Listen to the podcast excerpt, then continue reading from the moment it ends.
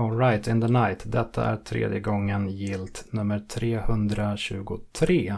Jag är ensam idag för jag orkade inte boka in någon gäst eh, av eh, tidsbrist och energibrist. Eh, jag, har, jag tänkte köra en liten kortis helt enkelt bara och jag har så här, jag har spelat två stycken spel Eh, två stycken vitt skilda spel. Och jag ska på något eh, halvkrystat sätt försöka knyta ihop detta till en helhet. Vi får se hur det går, men jag, jag gör ett försök helt enkelt. Så, till att börja med så har jag spelat ett spel som heter Astro Aqua Kitty. Eh, vilket inte är ett jättestort spel. Det är ett litet indiespel Eh, det är en uppföljare, tydligen, på ett spel som heter kort och gott Aqua Kitty, utan Astro. Jag, eh, jag, snubblade över Astro Aqua Kitty av en ren slump. Någonstans på internet, som man ofta gör. Man ser en bild på någonting och så verkar det lite kul och så eh, blir man intresserad och kollar närmare. Och det som fick mig lite intresserad då av Astro Aqua Kitty var att det är ett tvådimensionellt spel och jag gillar tvådimensionella pixelspel. Eh, det är ett spel eh, där man åker runt i labyrinter och eh, levlar upp, samlar erfarenhetspoäng, samlar saker, blir starkare och jag går lite igång på sånt. Jag, jag tycker sånt där är kul.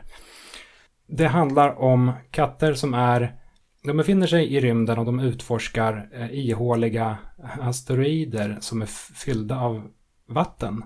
Eh, så man flyger runt i någon liten grej som typ ser ut som ett rymdskepp men som väl då egentligen är en, en ubåt. Och det är som sagt 2D-labyrinter fyllda, fyllda med fiender Eh, Eh, och så samlar man erfarenhetspoäng, man plockar upp vapendrops av fiender, man plockar upp kristaller som man kan använda i små affärer här och var, som är kombinerat med checkpoints. Checkpoint slash affär.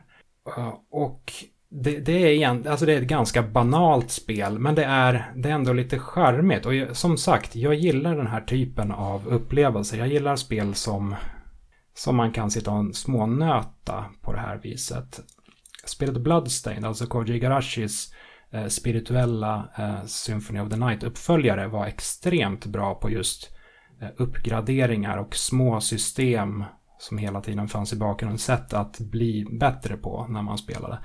Oavsett om det var att man lagade mat eller att man eh, hittade nya röstningsdelar eller att man helt enkelt gick upp i level. Eh, det, det kändes som att det alltid hände någonting där.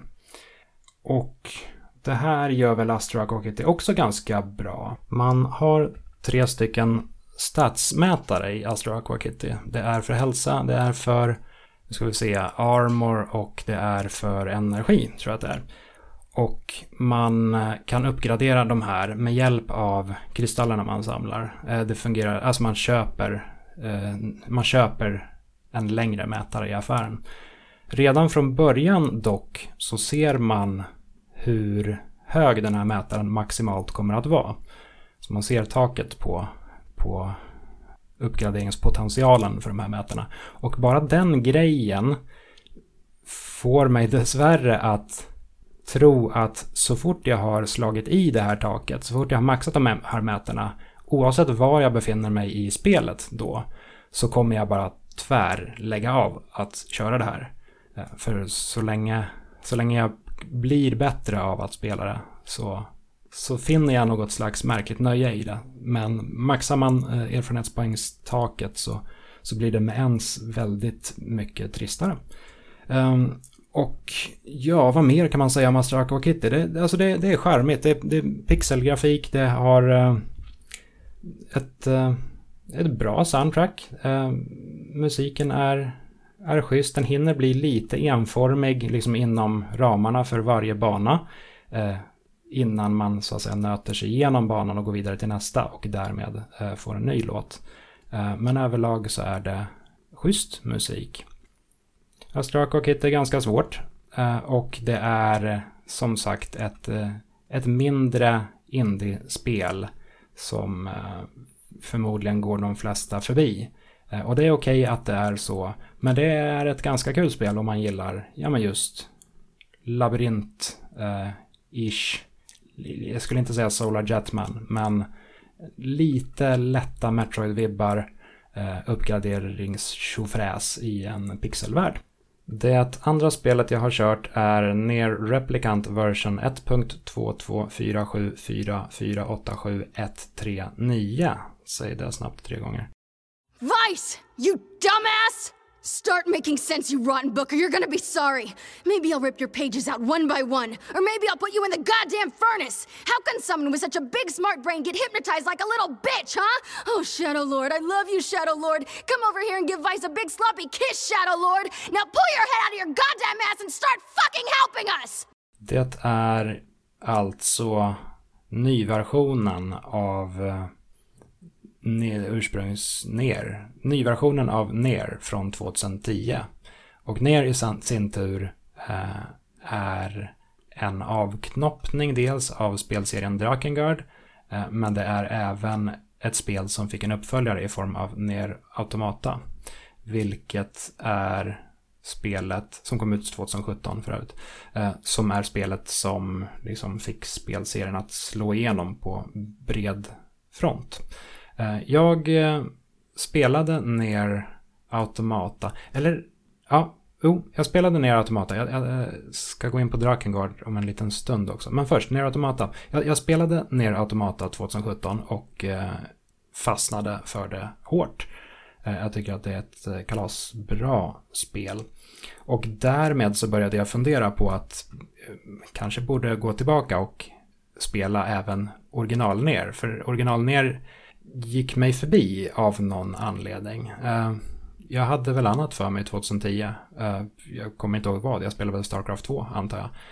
Men för varje år som har gått sedan dess så har det tagit emot mer och mer eh, att gå tillbaka till ner. Det är liksom gamla Playstation 3-rollspel. Det, det, det, är lite motigt att att sätta sig ner med ett sånt eh, år 2021. Eh, men i och med den här nyversionen då så fick jag en anledning att, att slutligen köra ner eh, original ner, eller nyversionen av original ner i alla fall. Då. Eh, och vad kan man då säga om ner Replicant version 1.22474487139 förutom att det är ett eh, krångligt namn. Det är ett eh, Alltså det, det, är mer av ett rollspel än vad Automata var. Men det är fortfarande ett action-rollspel, helt klart. Eh, det har, det har vissa rollspelsgrejer, eh, inslag, eh, erfarenhetspoäng, man återkommer till en by, man löser sidequests, man snackar med folk och så. Men eh, striderna är, det, det är action rakt av. Jag skulle säga att Ner Automata har en bättre inledning än Ner Replikant. Eh, men det kan vara så att det är för att jag körde det första gången också. Ibland blir det ju så att eh, första ingången i en spelserie är den som man alltid minns starkast. För min del till exempel så kommer Bloodborne alltid vara mer värt än Dark Souls. För att det var först i och med Bloodborne som jag verkligen liksom gav den spelscenen en, en ordentlig chans.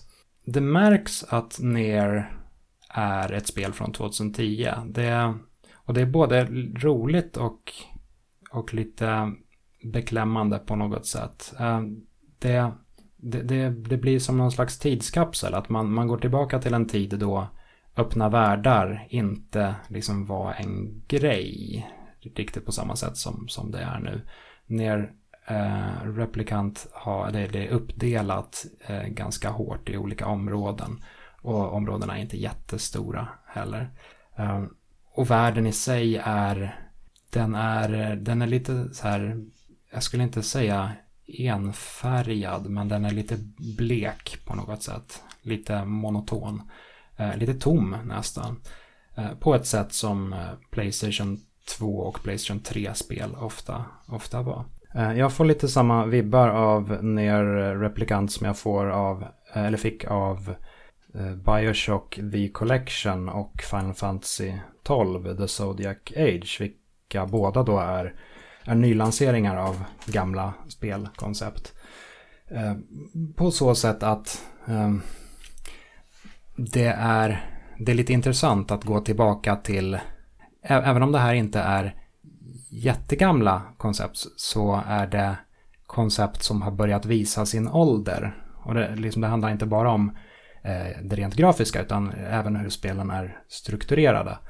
Eh, nu för tiden så bygger man ofta stora sammanhängande spelvärldar. Det gjorde man inte riktigt med något av de här spelen utan de är lite mer eh, uppdelade och försöker ge illusionen av en, av en eh, sammanhängande värld.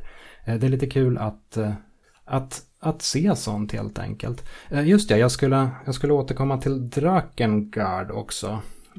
Drakengard är ju alltså um, spin-off, eh, vad ska man säga, stammen till Ner. Eh, Ner är en spin-off av, av Drakengard. Och eh, jag, jag hade glömt bort lite halvt att jag har faktiskt recenserat Drakengard en gång i tiden. Eh, det gjorde jag i speltidningen Superplay i majnumret 2004. Sitter med det här framför mig. Eh, det är ett silvernummer med Master Chief på eh, omslaget, Halo 2. Nya avslöjanden, 30 nya bilder på Halo 2. Kan man läsa om i den tidningen bland annat. Men om, man, om man kollar upp Drakengard-recensionen här då. Och vad skriver jag då om Drakengard här? Jag skriver att det är det är fruktansvärt enfärgat och därmed även enformigt. Det enda som egentligen är positivt med grafiken är den mängd fiender som spelmotorn ritar upp. Chockerande gråblaskigt för att vara Square Enix. Ja, det är överlag en 5 av 10 recension. Kunde ha varit grymt mycket bättre. Avslutar jag allting med. Eh, men just det här med att spelet är gråblaskigt. Vilket, ja, vilket jag då tyckte om Drakengard år 2004. Det det är någonting som man kanske kan se spår av även i ner och egentligen hela vägen fram till ner automata. Eh, jag skulle, alltså ner automata från 2017 är ju ett, det är ett snyggt spel, men det, vad, vad ska man säga, det, det är ett spel där man kan se spår av, av en fulhet på något sätt. Nu för tiden så har, har tekniken kommit så långt fram att att en, en enfärgad spelvärld eller en ganska urblekt spelvärld eh, kan, kan vara estetiskt tilltalande. Men ja, 2004 på Playstation 2 så var enfärgade spelvärldar mest ointressanta. Det, eller de, de föll lätt i en fälla av att bli just gråbruna sörjor Eh, som inte såg speciellt spännande ut överhuvudtaget. Eh, men det, eh, jag, har någon, jag har någon liten grej för att gå tillbaka och kolla, kolla in gamla speltexter. Jag tycker att det är, det är väldigt roligt. Eh, och potentiellt väldigt läskigt också. Det är alltid skräckblandad förtjusning att se, speciellt vad man själv skrev om, om någonting eh, förr i tiden. Men just det här att på den tiden, 2004, då var Drakengard ett, eh, ett nytt spelkoncept, en, eller liksom en ny spelserie. Och vi visste ju naturligtvis inte då att avknoppningen ner skulle ske eh, sex år senare. På samma sätt som ja, om man går tillbaka och kollar på till exempel eh, Kingsfield eh, som var ett tidigt eh, From Software-spel så kan man redan där kanske ana vissa vissa likheter eller något slags, något slags frö till det som i slutändan blev Dark Souls. Men där och då så visste man ju inte det. Det, det, det finns någonting, någonting roligt med att eh, arkeologiskt gräva sig bakåt i tiden bland gammal speldokumentation och speltexter. Tycker jag i alla fall. Eh, vad mer har vi att säga om Ner Replicant? Eh, musiken är som väntat eh, skitbra. Ner Automata hade ett eh, ja, 2017 års kanske allra bästa soundtrack. Eh, Ner har också fantastisk musik och eh, den går i ungefär samma stil. Eh, det har en hel del jävligt mörka sidouppdrag eh, ner, eller överlag storyn är ju, den är både kryptisk och den är mörk. Eh, det finns ett sidouppdrag tidigt i spelet med en hund och en gammal gubbe. Och jag, eh, jag kände att jag, jag återberättade det här i grova drag, sidouppdraget för min fru, eh, senare under kvällen när jag hade, hade spelat det. Och eh, jag kände att det brände till lite i ögonvrån där då. Det är ett mörkt spel. Mörkt och eh, mystiskt, suspekt spel. Ehm, det är det är på sätt och vis som sagt kul att det visar sin ålder. På andra sätt så är det ganska trist att det är så. Ehm, det, det är ett spel som handlar väldigt mycket om backtracking. Ehm, och det, det är på sätt och vis även ett ganska konstigt spel. Det, det har sidouppdrag som är liksom spelmekaniskt eh, rent usla. De går allt som oftast ut på att samla x antal saker och leverera dem till uppdragsgivaren. Eh, och spelet själv kommenterar på det här. Karaktären eh, Vice tycker att det är skitdrygt att man springer runt och eh, liksom löser den här typen av uppdrag för random personer. Eh, och huvudpersonen själv får ett rykte eh, att vara just så här, ja men det är du som är killen som löser alla de här uppdragen utan att eh, ifrågasätta någonting. Eh, så, så spelet i sig kommenterar på att det här är enformigt och dumt. Eh, och på samma sätt så det finns en karaktär som heter Kaine som är väldigt märkligt klädd. Hon är klädd i ett eh, nattlinne och någon form av halvdelad trosa. Och springer runt och slåss med det. Eller i det. Och återigen, karaktären Vice påpekar det här att är det inte konstigt att du är, springer runt i ett nattlinne när du är en krigare. Eh, och hela det här, liksom att ha med en, en märklig sak, om det nu är Kainas kläder eller om det är sidouppdrag som är dåliga, och sen så att säga påpeka själv att det här är, det här är något konstigt. Det får mig tänka lite på, jag tror att det var det gamla Simpsons-spelet, eller något av de gamla Simpsons-spelen till ja, Playstation 1 eller Playstation 2 som liksom försökte göra humor av, av att påpeka att det hade halvdana plattformsnivåer. Alltså, ja, nu kommer en, ett, ett tråkigt plattformsparti igen. Och det är, det är en märklig sak att, att peka ut sina egna brister istället för att då istället för att försöka göra, göra sig av med bristerna. Överlag så är jag dock eh, jag är ganska såld på det här spelet. Jag, eh, jag är glad att det återsläpptes eh, på det här viset. Och som sagt, jag skulle ju då försöka knyta ihop de här två spelen till någon slags eh, sammanhängande slutsats. Eh, alltså spelet Astro, Astro Aqua Kitty och spelet Ner Automata, nej, Ner Replicant. Eh, många siffror därefter. Och vad kan man då säga om båda två? Gemensamma för det här, det jag landar i är på något sätt att jag, jag blir både, både peppad och får lite svindel över hur många, hur många spel det finns idag helt enkelt. Eh, om man så att säga, om man ser sitt tv-spelande, sitt spelande, sitt spelintresse som att gå längs en stor väg så är ju ner replikant ja, någon slags huv huvudled som eh, många använder. Shit, nu blir det luddiga liknelser här. Det fattas egentligen bara någon matliknelse här. Att se ner replikant som en soppa. Och om, man, om man ser sitt spelande som, som en väg så är ner replikant en huvudled som många använder. Det är ett spel som många kommer spela och som många känner till. Medan Astrak och Kitty är ett, ett indiespel snarare än någon slags liten dold parallellgata som inte speciellt många kommer utforska. Men som ändå är liksom genomarbetat och, och värt att, att kolla in om man, om man så vill. Eh, och jag inser, jag, jag, tror att det här har med åldern att göra också. Alltså när man, när man kommer upp lite i åldern så inser jag på något sätt att jag aldrig kommer att kunna spela allt jag vill spela under en hel liksom, livstid. För det finns för mycket. Det, det finns otroligt många spel som jag eh, inte känner till. Dels, dels rena spelgenrer som jag inte har något intresse av. Men även spel som jag nog skulle kunna uppskatta men som jag helt enkelt inte har tid att spela. Eh, eller som eh, råkar gå mig förbi som i fallet ner eh, slash ner replikant då. Eh, och som därefter liksom det, att det börjar ta emot så mycket att gå tillbaka och uppleva dem att eh, att jag inte vill göra det helt enkelt.